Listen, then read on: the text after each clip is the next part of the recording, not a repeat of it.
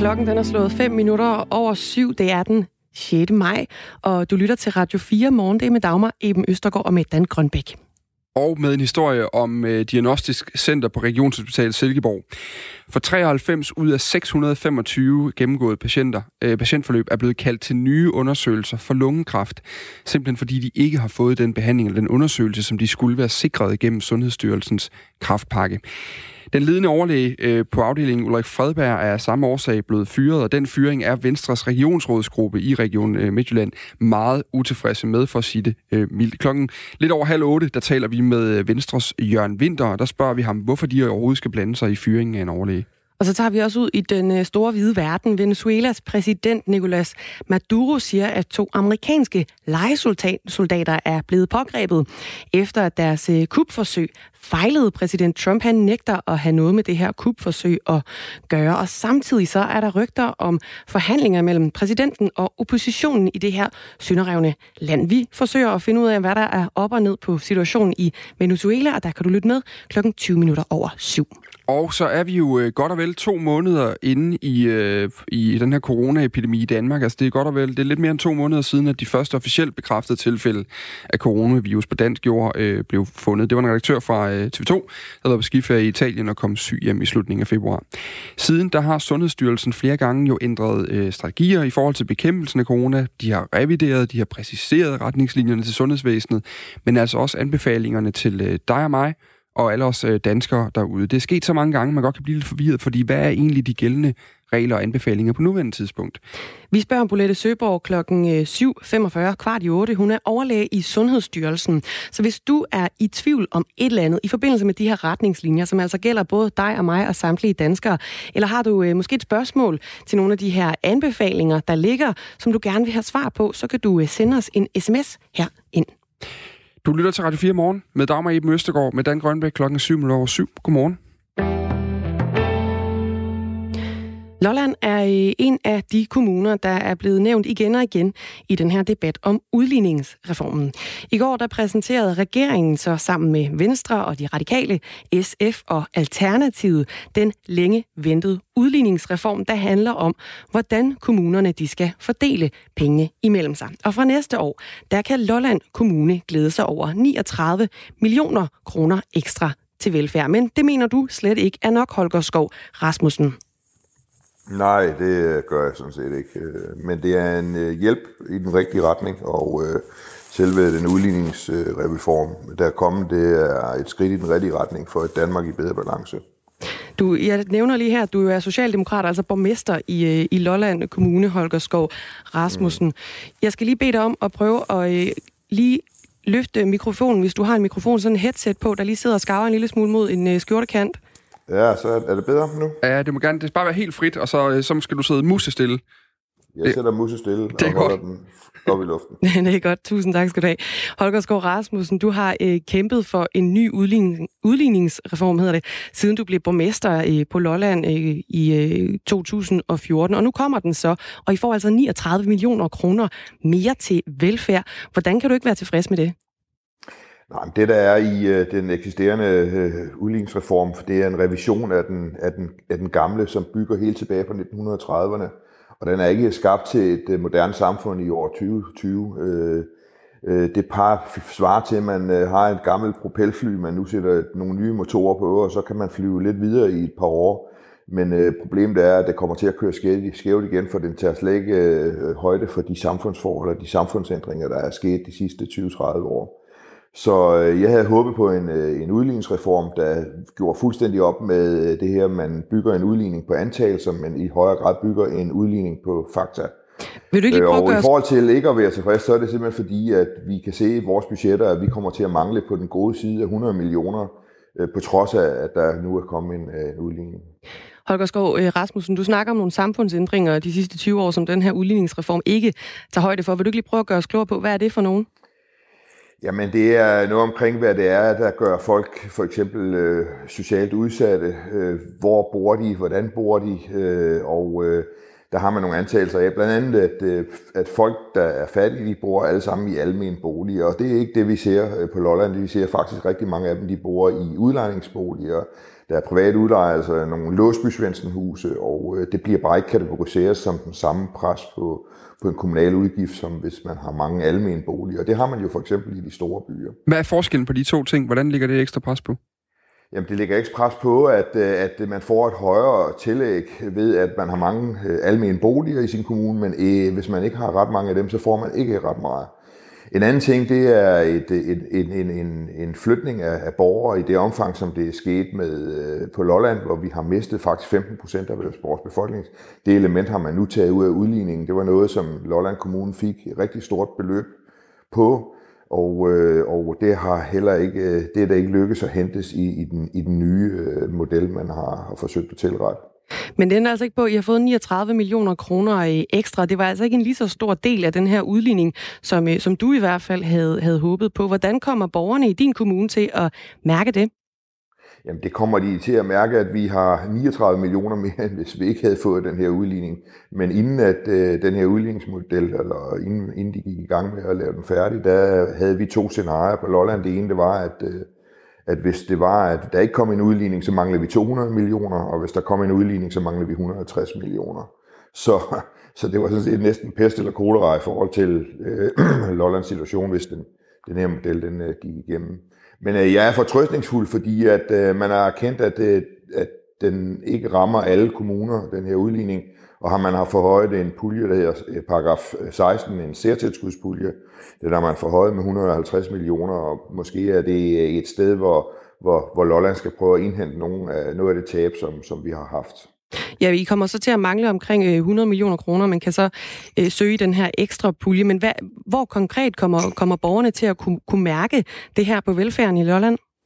Jamen, øh, de kommer ikke til at kunne mærke det, medmindre at vi ikke øh, får tilført øh, flere penge, fordi så bliver det en reduktion i vores velfærd eller en øget skat. Og der har man jo lagt en ny lås ind, der siger, at hvis man, hvis man sætter skatten ned til 26,3, så, så kan man få lov til det med 100% refusion. Men det vil sige, at så har vi som kommune ikke skatteredskaber at kan skrue på. Hvis vi skal ud og finde 100 millioner, så er det simpelthen serviceforringelser. Det vil sige, at øh, rigtig mange af de institutioner, som måske ikke er fyldt helt op, der hvor man ikke kan klasseoptimere. Vi er jo en landdistriktskommune, vi har jo en del små skoler, hvor der måske kun går 12 elever i en klasse, jamen så er det sådan nogle skoler, der lige pludselig øh, kommer i fare. Og det ønsker jeg sådan set ikke, fordi at vi er forskellige kommuner. Vi har store bykommuner, vi har landdistriktkommuner, og det skal være muligt at bo alle steder, og også gå i skole og have daginstitutioner osv. Det er i hvert fald en politisk ambition, man også har i Folketinget, og det kan vi ikke opfylde, hvis det er, at det ikke kommer. Men hvis der kommer flere penge, og vi får lukket det gab på 100 millioner, så kan vi tilbyde den samme velfærd i, i, igen i kommunen, som vi har haft i år. Og den har godt nok ikke været prangende, så vi kan ikke engang øge velfærden. Men øh, jeg er optimist. Jeg synes, det er godt, der er kommet den her udligningsreform. Det skaber noget ro for, for alle 98 kommuner. Plejer I at få, få opfyldt det her øh, hul? Altså nu, har I, nu mangler I 100 millioner kroner, så I kører med underskud? Ikke, det gør vi ikke, og det er også derfor, jeg har slået med den udligning, siden jeg blev borgmester, for det er faktisk siden øh, Lolland Kommunen øh, blev øh, til i, med syv kommuner, øh, syv faktisk forholdsvis fattige kommuner, der blev slået sammen jamen der har vi sådan set hver evig eneste år måtte finde omkring 1% af vores øh, samlede, altså en skatteprocentpoint på vores samlede besparelse hver evig eneste år. Vi har faktisk ikke oplevet et eneste år, hvor vi har haft øh, indtægter, der passede til det udgiftsniveau, vi har, så vi har måttet spare hver eneste år. Nå, reformen her, den betyder i hvert fald, at øh, der i alt vil blive omfordelt 19,3 milliarder kroner på tværs af de danske kommuner. Det er især kommuner i øh, yderområderne, lidt ligesom i Lolland Kommune, der altså står til at modtage flere penge, mens områderne omkring især København og Aarhus, de skal, øh, de skal aflevere flere penge, end de altså gør i dag. Lolland Kommune får som sagt 39 millioner kroner, men nabokommunerne Vordingborg og Guldborg Sund, de får henholdsvis 98 og, øh, og 100 20 millioner kroner. Øh, noget, der er ved det her også, det er, at hver eneste gang øh, du og dine borgere skal have en, en krone mere, i hvert fald igennem udligningsordningen, så skal den jo mm. hentes et, et andet sted. Altså, vi har allerede nu hørt en kommune som Hørsholm, for eksempel, der var ude at fortælle, at altså, de skal aflevere et større millionbeløb til ordningen nu, og de har allerede meldt ud, at det betyder formodentlig skattestigninger og muligvis også serviceforringelser i, i den kommune. Hvor, hvorfor er det fair at bede om mere, øh, når, når regningen jo bare skal betales til borgere et andet sted?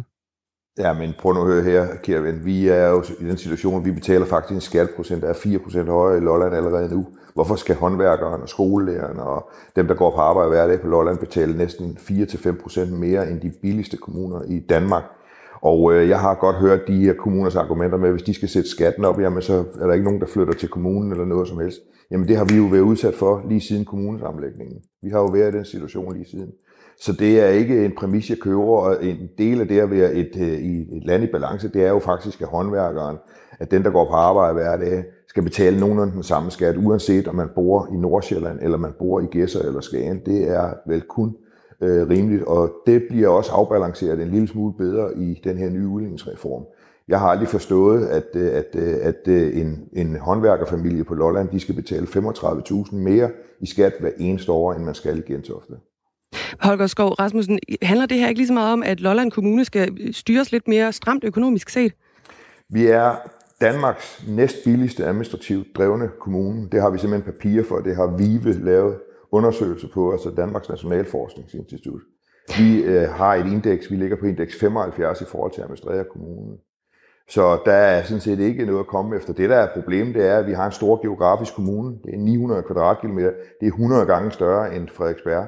Så ja, vi skal bruge en lille smule flere penge øh, på asfalt, men hver gang vi lægger en meter asfalt, så ligger vi den langt billigere, end man gør på Frederiksberg. Holger Skov eh, Rasmussen, tusind tak, fordi du var med her. Jo, tak. Socialdemokratisk borgmester i Lolland Kommune, der altså eh, ikke er så tilfreds med den her udligningsordning, der eh, blev præsenteret i går. Tidligere på morgenen uh, talte vi med en uh, tandlægekunde, som havde oplevet, at uh, simpelthen skulle lægge 175 kroner ekstra uh, efter et tandlægebesøg i gebyr, sådan, men sådan et uh, coronagebyr lige nu, fordi mange tandlæger landet over jo har ekstra udgifter til, uh, til, uh, til at overholde de her retningslinjer fra myndighederne om ekstra værnemidler, og man må, kan potentielt set have færre patienter. Og der er altså øh, mange, der må, eller nogen i hvert fald, der må gribe dybt i lommerne, når de har været til tandlæge, øh, og, og så har måttet øh, dykke endnu øh, dybere ned her i, øh, i coronakrisen. Øh, gebyret, det skifter lidt fra tandlæge til tandlæge. Øh, hos øh, Colosseum tandlæger, som er en tandlægekæde, der har man øh, haft et gebyr på 175 øh, kroner. Godmorgen til dig, Jens Mondrup. Ja, godmorgen. Du er administrerende direktør i øh, netop øh, nævnte øh, tandlægekæde Colosseum Tandlæger. Det er mediet A4 Arbejdsliv, der skrev i går, at I har, det her gebyr, har haft det her gebyr på 175 kroner. Siden i går, skal vi så lige sige, der har I valgt at stoppe jeres uh, coronagebyr, eller i hvert fald sætte det ned fra 175 til 95 kroner. Du har ellers sagt til A4 Arbejdsliv, at 175 kroner er det beløb, I kan være bekendt at tage, men nu sætter I det så ned. Betyder det så, at I ikke har kunne være det bekendt alligevel? Nej, nej, det, det, det gør det, det gør det slet ikke. Altså de sidste to måneder har vi jo slet ikke haft mulighed for at drive en normal klinikdrift. Vi har haft et nødberedskab, som vi har, vi har kørt med, hvor vi har behandlet akutte patienter. Så det er patienter, der har haft en akut smerte og haft behov for behandling. Det vil sige, at vi har haft en tandlæge på arbejde, og vi har haft en klinikassistent på arbejde, og resten af personalet har så været hjemsendt med, med, med løn. Under det her nødberedskab, der har vi jo ønsket, at hygiejne og sikkerhed, det var helt i top. Det har været, været topprioritet for os. Vi vil rigtig gerne være sikre på, at vores patienter ikke bliver smittet, når de besøger os. Vi vil også gerne være sikre på, at vores medarbejdere heller ikke bliver smittet. Men, men koster det, det 175 det, kroner ekstra per person eller per patient? Jamen, jamen, jamen, jamen det, det, det koster faktisk mere end det. Hvis du besøger eller har besøgt en af vores tandklinikker under nødberedskabet her, så har du set, at det har været tandlæger, der nærmest har lignet rum, rumvæsener. altså de har jo været klædt ud i plastiktøj fra top til tå de har haft en hat på. De har haft et meget stort plastikvisir hen foran ansigtet. Bagved visiret har de haft en ansigtsmaske eller et mundtøj, et mund, hvad den hedder, bind på. Og derudover har de haft gummihandsker på.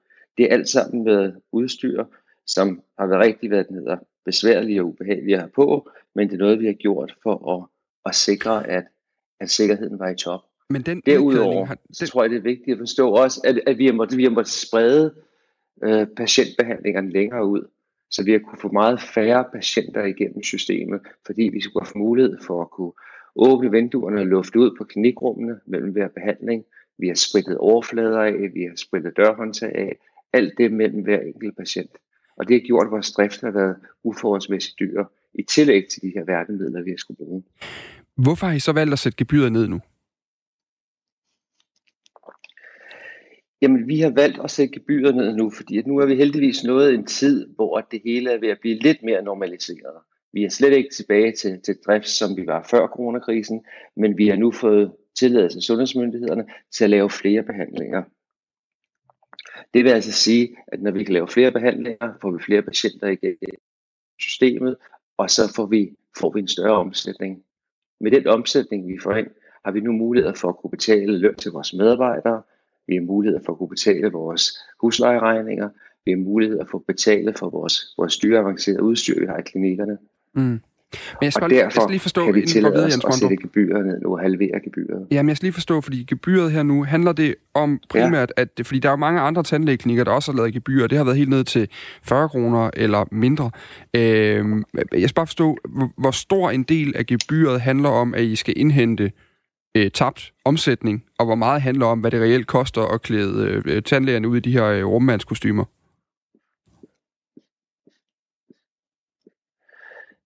Det drejer sig udelukkende om at kunne sikre sikkerheden og fremskaffe de her værnemidler. Jeg tror, det er vigtigt at forstå, at under den her coronakrise, så er den globale efterspørgsel på værnemidler, den er mange dobbelt i forhold til normalt. Man har ganske enkelt ikke kunne skaffe værnemidler nok til dække efterspørgselen. Derfor har jeg og mine kollegaer brugt rigtig meget tid de sidste måneder på overhovedet at kunne fremskaffe det her. Vi har haft øh, måttet source vores øh, plastiktøj ude fra Kina af. Mm. Det har vi ikke kunne tage med både ind. Vi er blevet til at, at flyve det ind, hvilket er vældig, vældig, vældig dyrt. Og derfor ser vi altså, at værnemidler, som måske før kostede 10 kroner for, for, for et, et stykke, i dag koster 40 eller 50 eller op mod 100 kroner. Jens så det har simpelthen været for, for mulighed for til at købe de her værnemidler og ja. drive det nødberedskab for vores patienter.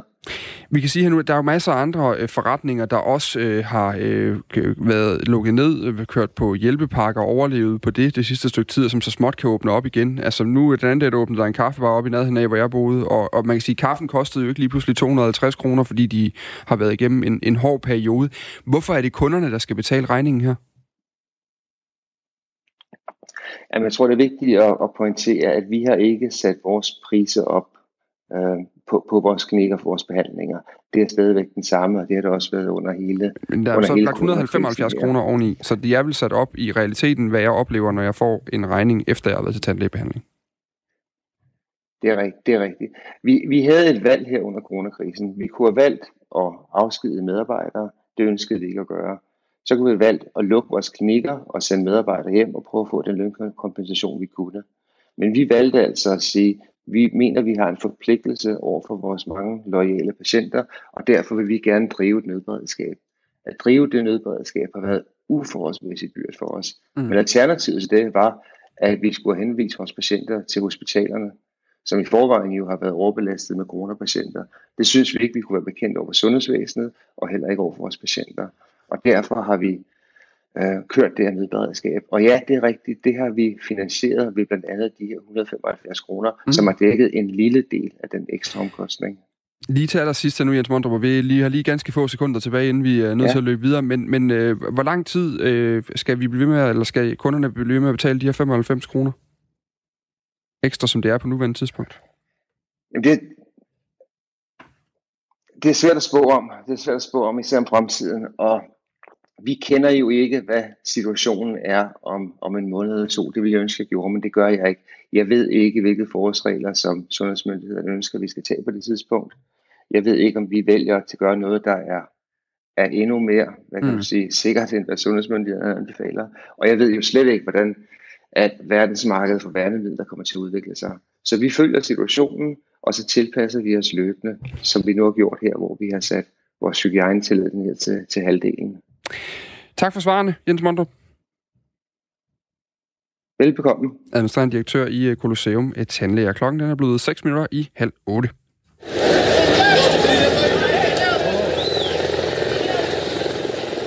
Det vi hørte her, det er ifølge Venezuelas myndigheder pågribelsen af otte mænd, som skulle være involveret i et kupforsøg. Venezuelas omstridte præsident Nicolas Maduro, han påstår også, at to amerikanske legesoldater de er blevet pågrebet efter det her øh, forfejlede kupforsøg, som USA's præsident Trump han altså nægter at have kendskab til. Godmorgen, Carlos Salas Lind. Godmorgen. Kan I høre mig? Vi kan godt høre dig. Du er eksterne lektor på CBS og ekspert i venezuelanske forhold. Det var et svært ord her fra morgenstunden. Det lyder jo øh, lidt vildt med, med kupforsøg og amerikanske legesoldater, der bliver pågrebet, som, øh, som præsident Maduro han siger skulle, skulle dræbe ham. Hvad ved vi om det her kupforsøg på nuværende tidspunkt? Vi ved, at der er to amerikanere, som er blevet indholdt.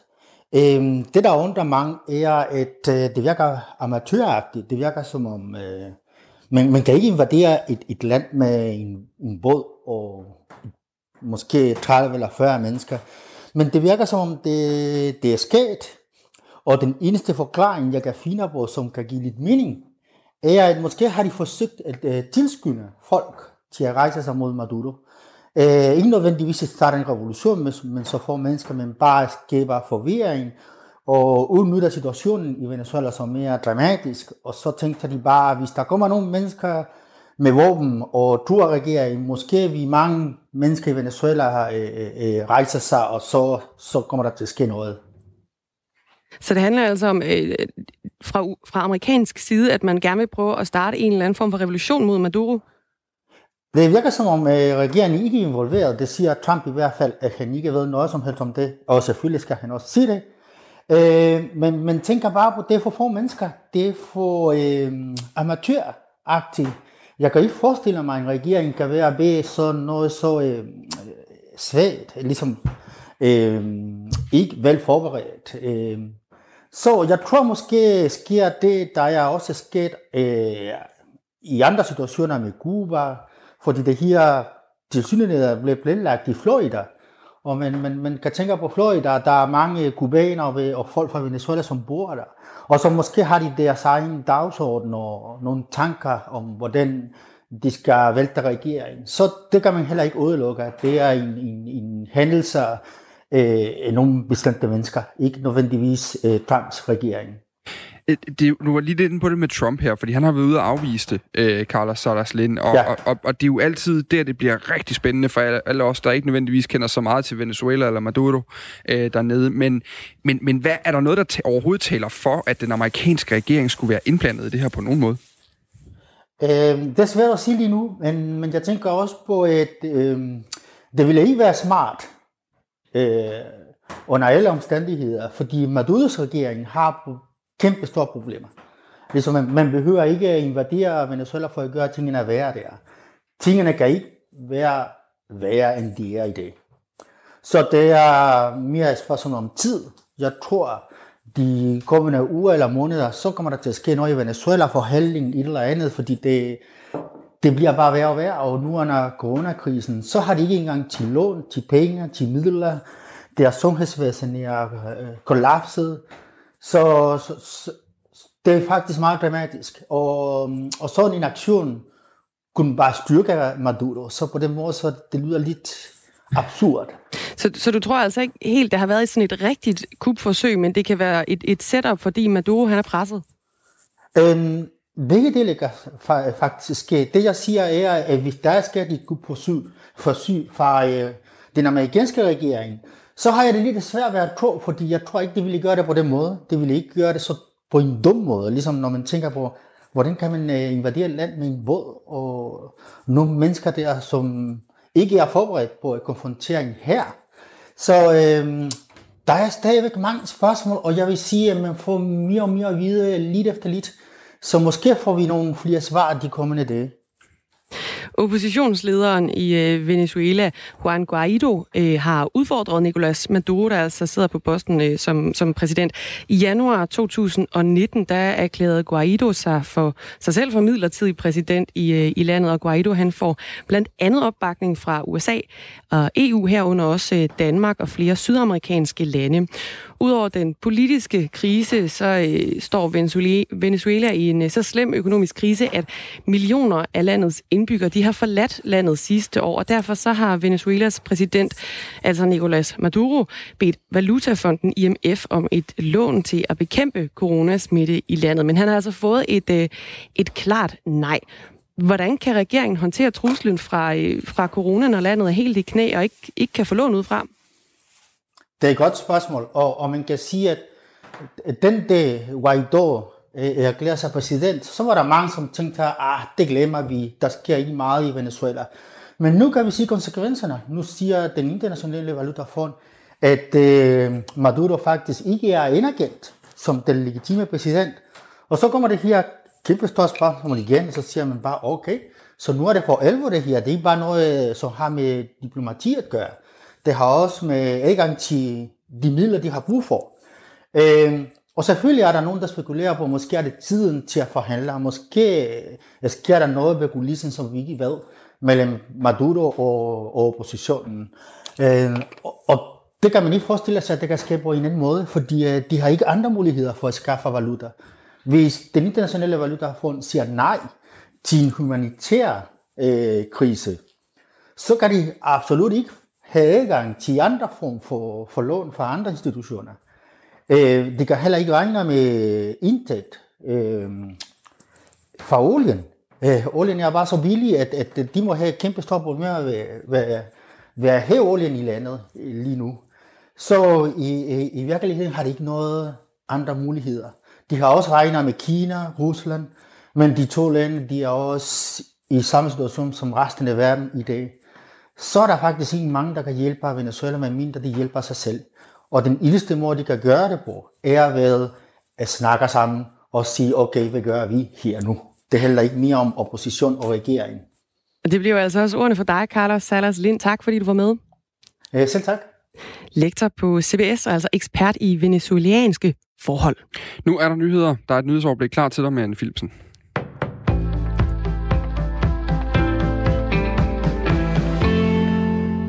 Danskerne vil kunne mærke det på velfærden i op til 10 år, når regningen for coronakrisen og regeringens hjælpepakker skal betales.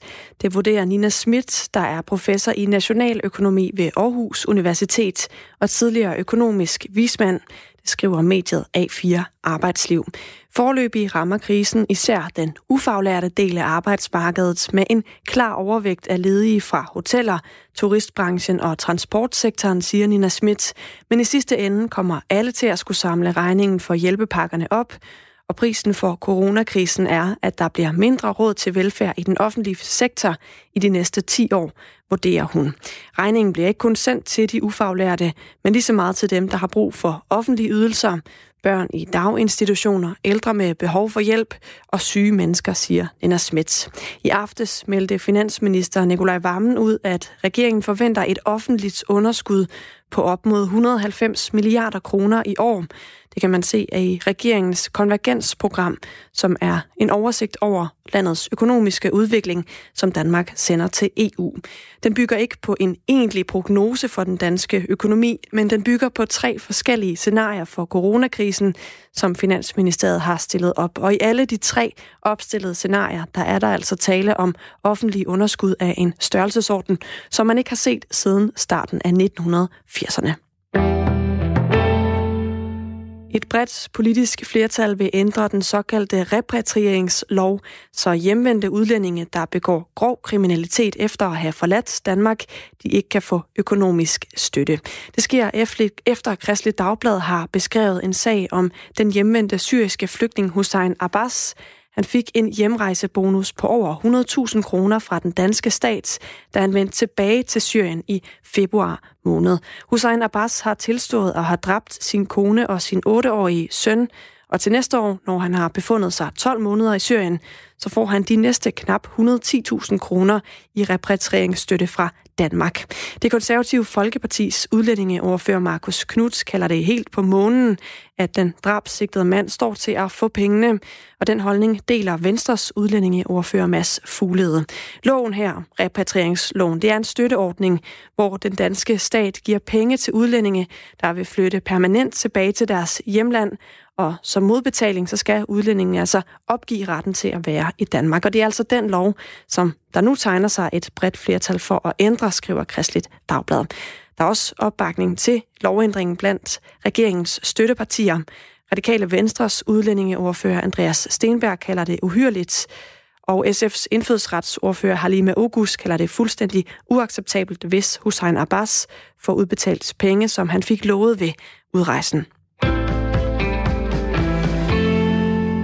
Danmarks 16 videnspædagogiske aktivitetscentre som Experimentarium og Vadehavscentret får nu hjælp til at klare sig gennem coronakrisen.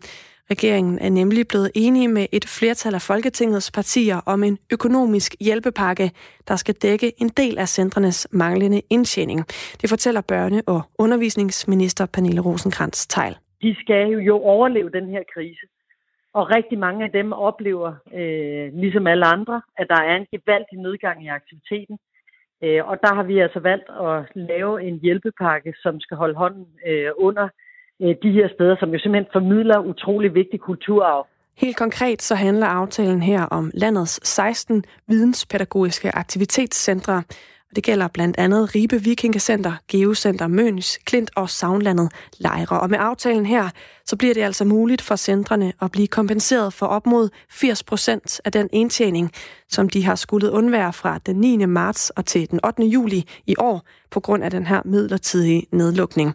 Indtil nu, der har de centre ikke været omfattet af nogen af Folketingets hjælpepakker. Vi får tørt vejr med en del sol i dag, men i løbet af dagen der bliver det mere skyet vestfra, og så får vi temperaturer mellem 8 og 13 grader.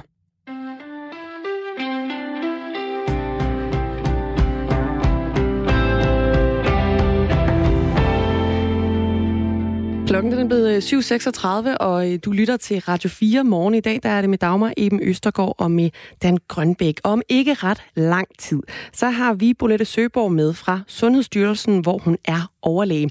Bolette Søborg, hun skal hjælpe os med at finde hoved og hale i alle de her retningslinjer og anbefalinger, som øh, foregår i forbindelse med coronavirus, og som der altså sådan relativt ofte bliver lavet om i og rykke rundt på, og øh, der kommer nogle nye formuleringer til og fra osv.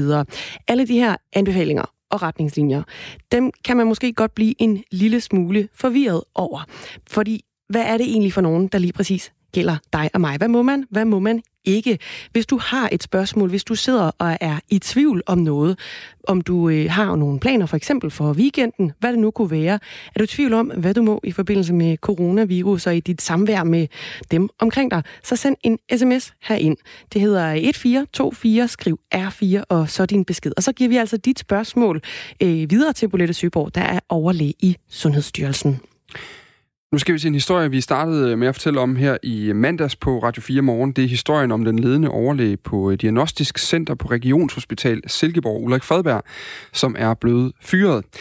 Årsagen til fyringen er blandt andet, at han ikke har fulgt øh, Sundhedsstyrelsens retningslinjer for lungekræftpakken. Hans afdeling har ganske enkelt ikke givet øh, den rigtige undersøgelse til de patienter, der skulle øh, undersøges for det her, og det er foregået med fuldt overlæg. Det betyder, at 93 patienter er blevet indkaldt til nye undersøgelser nu, og to skal faktisk videre vejledes om erstatning. Nu kan vi lige starte med at sige godmorgen til uh, Jørgen Winter. Ja, godmorgen. Du er læge, og så er du regionsrådsmedlem for øh, Venstre i Region Midt. Vi vender lige tilbage til dig om, øh, om et minuts tid. Vi skal først lige kigge på, hvad der egentlig er foregået. Fordi på baggrund af den her fyring, der holdt Venstres regionsrådsgruppe mandag aften et møde. Efter mødet, der blev sendt en pressemeddelelse ud, hvor i der står, at, citat, Venstre er forundret over grundlaget for den påtænkte afskedelse, som fremgik af den udsendte pressemeddelelse fra hospitalets tidligere. Lad os lige gennemgå grundlaget, som øh, vi her på Radio 4 har fået indsigt i via dokumenter, og, og så også redegørelsen bag fyringen. Hvis vi tager historien fra starten, så er årsagen som sagt, at den fyrede overlæge ikke har fulgt øh, Sundhedsstyrelsens retningslinjer for lungekræftpakken. En øh, række patienter er blevet tilbudt en, en øh, lavdosis CT-scanning for lungekræft, som altså ikke anbefales af Sundhedsstyrelsen. Det er kun muligt at fravige de her retningslinjer fra Sundhedsstyrelsen angående kraftpakken, hvis det sker i forbindelse med et videnskabeligt godkendt forskningsprojekt, og så fremt patienterne og almen praksis er orienteret. Og så skal vi lige holde tungen i munden nu, for der nu kommer nogle datoer i spil, som er lidt vigtige. Den, øh, den 27. oktober 2017 blev der ifølge en pressemeddelelse startet et forskningsprojekt på Diagnostisk Center på Silkeborg Regionshospital, hvor de første data skulle præsenteres tre måneder senere i januar 2018. Jørgen Winter, er du bekendt med, at der blev publiceret data som aftalt i, i januar 2018? Er det ja eller nej? Altså, jeg vil sige, at den her øh, er en meget, meget kompliceret sag. Det er øh, men for, for mig... Jamen, altså, det var, for mig, blev der publiceret data ja. der i januar 2018? Jamen altså, der er så mange problemer med den der øh, data, fordi øh, det var ikke Ulrik Fredberg, der skulle gøre det. Og er jo ikke heller have, at man fortæller, hvad hvad den her sag den drejer sig om. Det er også det, vi er i gang med her nu. Men, ja. Fordi vi kan læse os frem til, at der ikke blev præsenteret data eller resultater i januar 2018, som det var aftalt. Faktisk så er der aldrig blevet præsenteret nogle resultater af det her øh, projekt. Og alene fra den 6. april 2018 til den 3. januar 2020, der har været hele 13 rykkere på resultater og data. Øh, Ulrik Fredberg, han har jo som ledende overlæge på Diagnostisk Center det overordnede ansvar for det her. Hvis man som ledende overlæge laver en aftale om et forskningsprojekt, hvor der skal falde resultater, men der aldrig kommer nogen forskningsresultater, mener du så, at man har passet sit arbejde? Jamen altså, det her det er en helt forkert måde at tale om det her på. Ulla Fredberg har ikke haft ansvar for at lave det her forskning. Det er en mand, der hedder Peter Vedsted, som har taget sin stilling op øh, og er rejst til Grønland. Og det er ham, der ikke har gjort det færdigt. Så altså, øh, det her, så gider jeg ikke snakke med dig. Altså, hvis du ikke vil tale om det væsentlige i sagen, så, så gider jeg ikke. Men, men det væsentlige i sagen er jo altså det her forskningsprojekt, fordi han har vel som ledende overlæge ansvaret for det. Har han ikke det? Ved du hvad, vil jeg have lov at sige noget? Jamen, der, du, du er med? Så det... Nej, jeg, jeg kan ikke svare på de ting der. Jeg vil, jeg vil gerne fortælle, hvad det drejer sig om. Men det, det er jo det, vi, har, vi kigger ned i den her redegørelse, og det er jo en, Ulrik Fredberg selv har bedt om, bliver offentliggjort omkring netop det her forskningsprojekt. Det er jo det, der, det handler om her. Fordi Nej. Hospitalsenheden Midt har jo gjort en del for at prøve at finde det her forskningsprojekt, som var grunden til, at man, man gjorde det, som man gjorde det.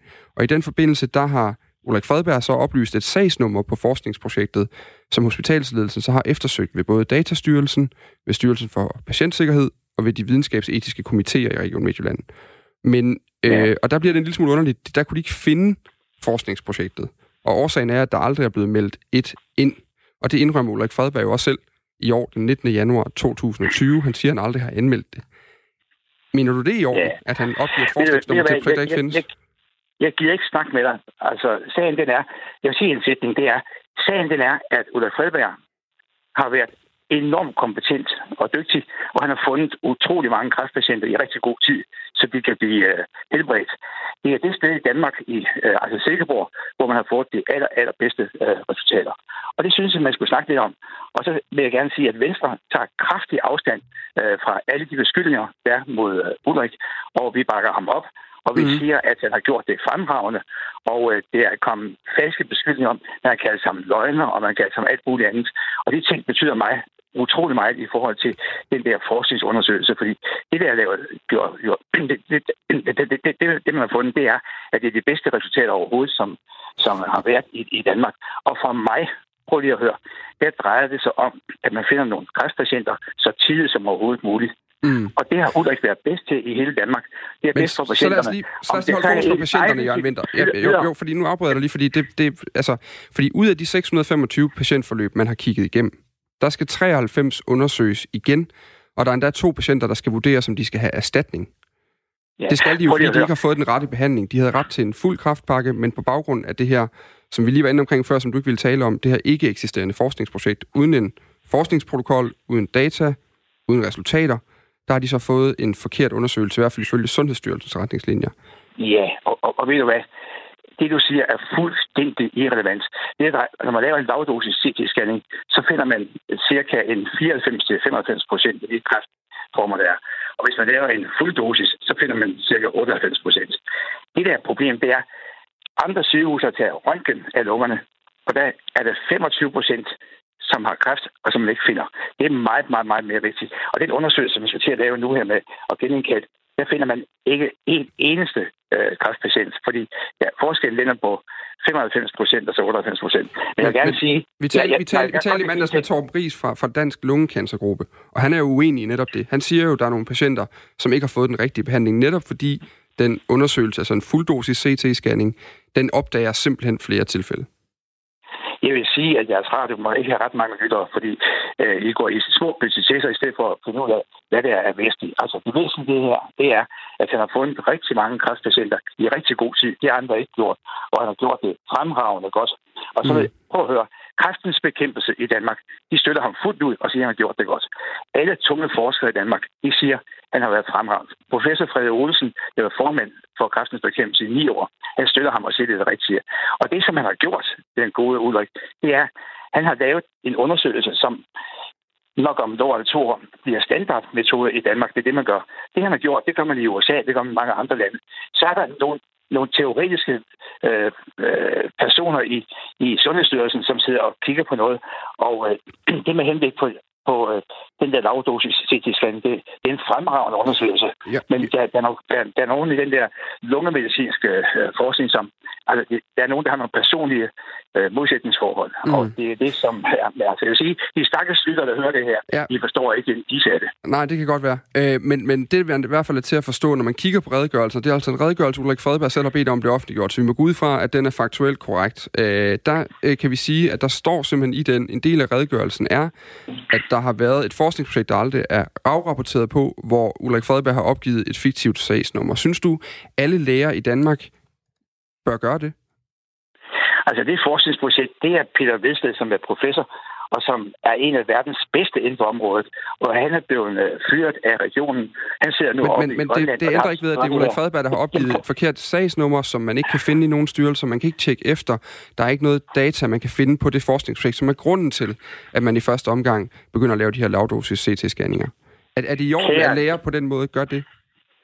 Kære lille Dan, jeg har et spørgsmål til dig.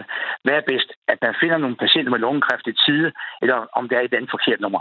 Jeg aner, altså... Jamen, det, den det, her, det, det, det, var det gode her det her. Det er ikke op til mig at vurdere det. Det er op til Sundhedsstyrelsen. Og, og der er simpelthen nogle retningslinjer der, som jo ikke er blevet overholdt, og af samme grund er 93 patienter ind, altså simpelthen skal undersøges igen, og to er blevet vejledt om, hvordan man skal muligvis søge erstatning.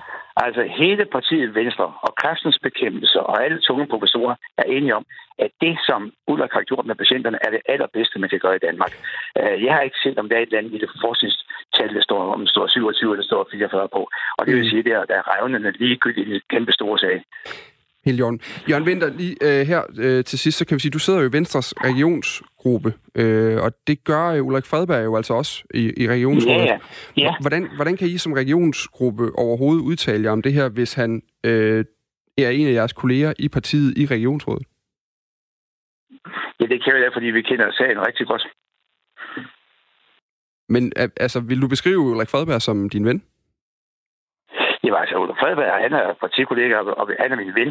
Og det, vi har til fælles, det er, vi siger, hvad vi mener, øh, i stedet for øh, at se, hvad de andre de nu gør. Altså, i, i regionen, der kan der alle se, at det her, det har været en heksejagt på Ulrik Fredberg. Og du er åbenbart i gang med den igen med nogle Mm. små ting. Men Og det, du har ikke det, kan de andre, det, kan de, det det kan de Ja. andre partier jo ikke, kan man sige. Der er Nej. jo ikke nogen andre, der støtter det. er jo- Det er noget, I Venstre har besluttet jer for, det her. Ja, Dansk Folkeparti bakker der også op nu her. Og det, det der skuffer mig mest, det er radikale venstre, som plejer at være et parti, der går ind for retfærdighed. Altså det her, det er en heksejagt øh, på øh, Ulrik Fredberg, og øh, der er ikke nogen, der sådan er interesseret i, hvordan patienterne har, har fået det, derimod med, med sådan noget, som det du gør. Øh, ja, det her, det er den mest vanvittige øh, fyring, der nogensinde har været. Mm. Og jeres udsendelse her, det bidrager til, at man bliver endnu mere forvirret, fordi øh, øh, det, som de to direktører i Viborg, øh, de sagde, altså om Sikkerborg, de sagde, at øh, han har, at der ikke været patientsikkerhed, og øh, det er der overhovedet ikke tale om. Alle vi, der ved noget om det her, vi ved, at det er gået rigtig fremragende. I, I spreder skræk i befolkningen ved at sige det her, for, og nu skal man til at genindkalde nogle patienter, hvor det er langt, langt bedre at indkalde dem, der får røntgen af lungerne, fordi der finder man mange flere kræfttilfælde end med den her lavdosis CT-sending. Men, Men, det er et problem. Det er det, er selvfølgelig det, er et jo- problem. det er jo sund, at det er Sundhedsstyrelsens retningslinjer. Det er bare lige for at sige, det er ikke, det er ikke, det er ikke mig, der laver reglerne for, hvordan man skal gøre tingene. Det gør Sundhedsstyrelsen, og deres retningslinjer, der strider det at bruge en lavdosisscanning simpelthen imod dem. Øh, øh, Ja. Du er jo selv, du er selv læge også, Jørgen Winter. Synes du, at alle læger i Danmark bør afvige fra den her kraftpakke, de retningslinjer, der man er? skal, man skal da følge det, der står, men altså, med det der nummer, det, det, det ja.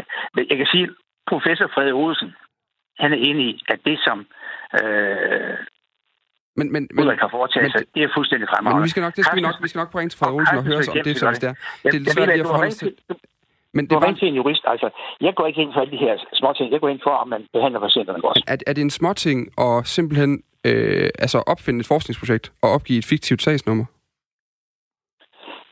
Jamen altså, det, der er væsentligt for mig, det er, at en lavdosis CT-scanning, den finder 95 procent af kræftpatienterne, og en højdosis, den finder 98 procent. Og hvis du regner ud den forskel, jamen så hvis man laver undersøgelse på de her, de her godt 100 patienter igen, så finder man ikke engang én ny kræftpatient.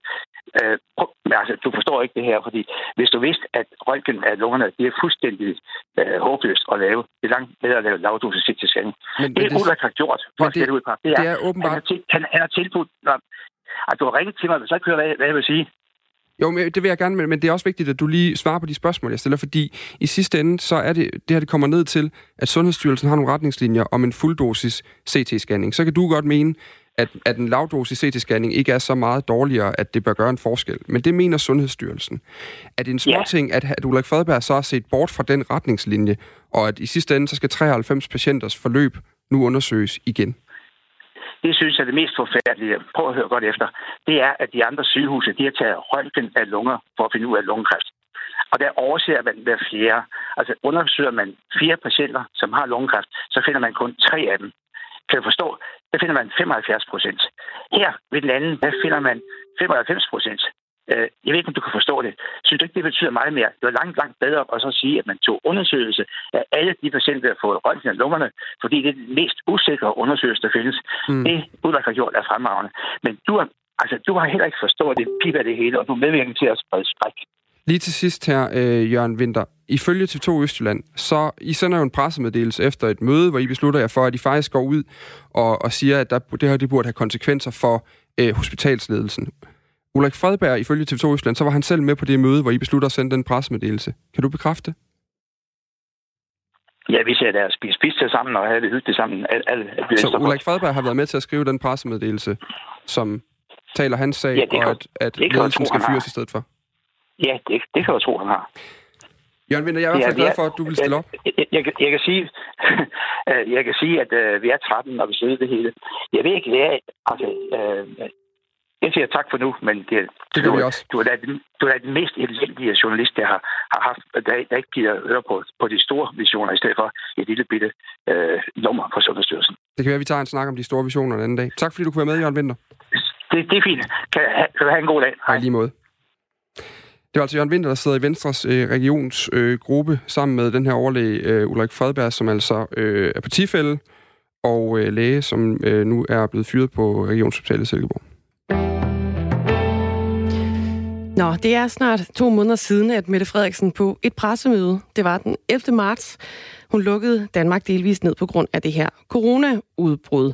Og øh, siden der har Sundhedsstyrelsens retningslinjer for landets sundhedsvæsen og anbefalingerne til borgerne altså ændret sig en, øh, en del gange. Dan, har du, sådan, øh, har du styr på, hvad du må og hvad du ikke må efterhånden? Øh, bum, ja, men øh, det tror jeg nogenlunde. Altså, jeg har jo, øh, jeg har også, jeg har en toårig derhjemme, øh, og det er jo ja, det er mest i forhold til ham, jeg tror, jeg har været lidt i tvivl. Altså, nu er han sgu i daginstitution igen. Må han så godt, øh, er det der med legeaftaler og sådan noget, er det så ligesom udryddet? Må han lege med, hvem han har lyst til? Nu har jeg faktisk gået og tænkt lidt over.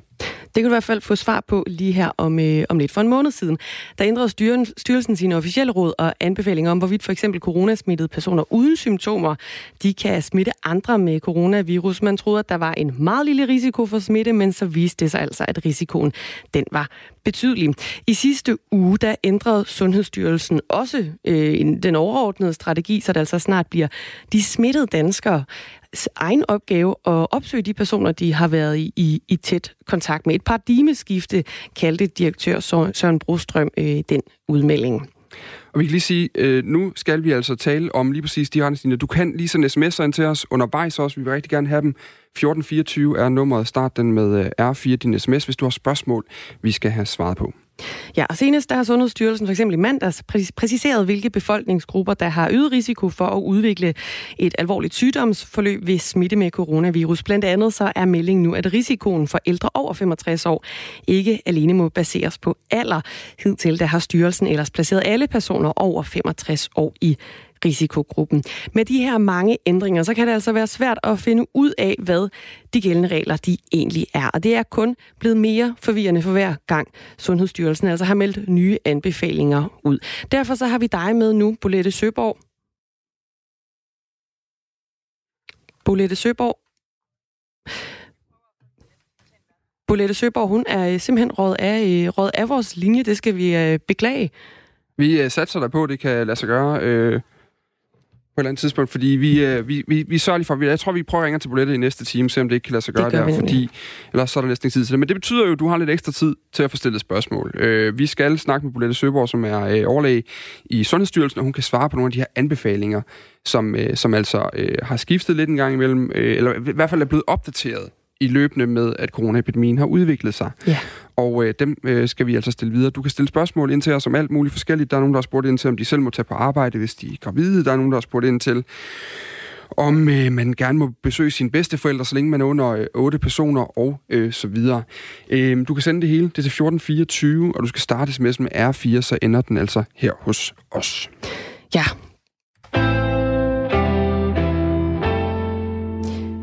Snakker jo rigtig, rigtig meget om coronavirus øh, for tiden, Dan, og nu skal vi lige snakke en lille smule mere om det, øh, fordi der er en meget specifik ting, der er blevet, og det er en ting, der er blevet testet positiv for coronavirus. Ja. Det er en, øh, det er en papaya. er vi enige om, papaya det er en frugt? Papayaen, okay. det er... Øh, Godt. Vi har simpelthen fået Bolette med på en linje igen. Vi, har lige, vi lige har en, papayaen ligge, og så kommer vi tilbage til den. vi har en cliffhanger i den papaya der, Ja. så nu runder vi lige Bolette, Bolette Søborg igen og siger øh, godmorgen til dig. Godmorgen. Så var du med på linjen. Det er rigtig, rigtig godt. Bolette Søborg, du er jo overlæge i øh, Sundhedsstyrelsen, og du har altså indvillet i at medvirke her for at skabe klarhed om, hvad der egentlig er Sundhedsstyrelsens anbefalinger i dag, den 6. maj. Hvad anbefaler Sundhedsstyrelsen, at man gør, hvis man øh, bliver smittet med coronavirus i dag? Hvis man bliver smittet med coronavirus og har symptomer, så skal man øh, gå hjem, og så skal man i selvisolere sig. Altså det vil sige, at man skal holde sig på øh, eget værelse og holde god afstand til dem, man bor sammen med. Og så også sørge for, hvis man for eksempel har eget toilet, at man bruger det. Øh, og hvis man må dele med andre, så også gøre ordentligt rent efter sig. Så en af de gode råd, vi hele tiden har haft med, at det, det gælder om at holde afstand til andre, mm. og i særdeleshed, hvis man bliver syg. Bolette Søborg, så fik vi et rigtig, rigtig fint spørgsmål fra Rasmus øh, tidligt på morgenen. Øh, han skrev ind til os, øh, må vi som familie mødes med bedsteforældre, så længe vi er under 8 personer? Ja, det må man gerne. Hvis øh, I er raske, altså familien er raske hos Rasmus, og øh, bedsteforældrene også er raske, altså uden symptomer, så må man gerne mødes. Det er klart, hvis bedsteforældrene er, er lider af kroniske lidelser, det kan jo være meget forskelligt. Bedsteforældre kan jo også være sunde og raske, selvom de er 75. Øh, men hvis ikke de er, så er det selvfølgelig noget med, at man skal øh, holde lidt afstand. Og så det her med at undgå kys og kram. Okay, så der er stadig ikke noget med bar- barnbarnet, der lige skal kramme farmor eller mormor? Og det vil jeg sige, hvis, hvis det er barnebarn, og det er et lille barnebarn, der ikke kan forstå, hvorfor de ikke må kramme bedstemor, og begge er sunde og raske, og med på det, det skal man også lige huske at spørge bedsteforældrene om, så er der ikke noget i vejen for det.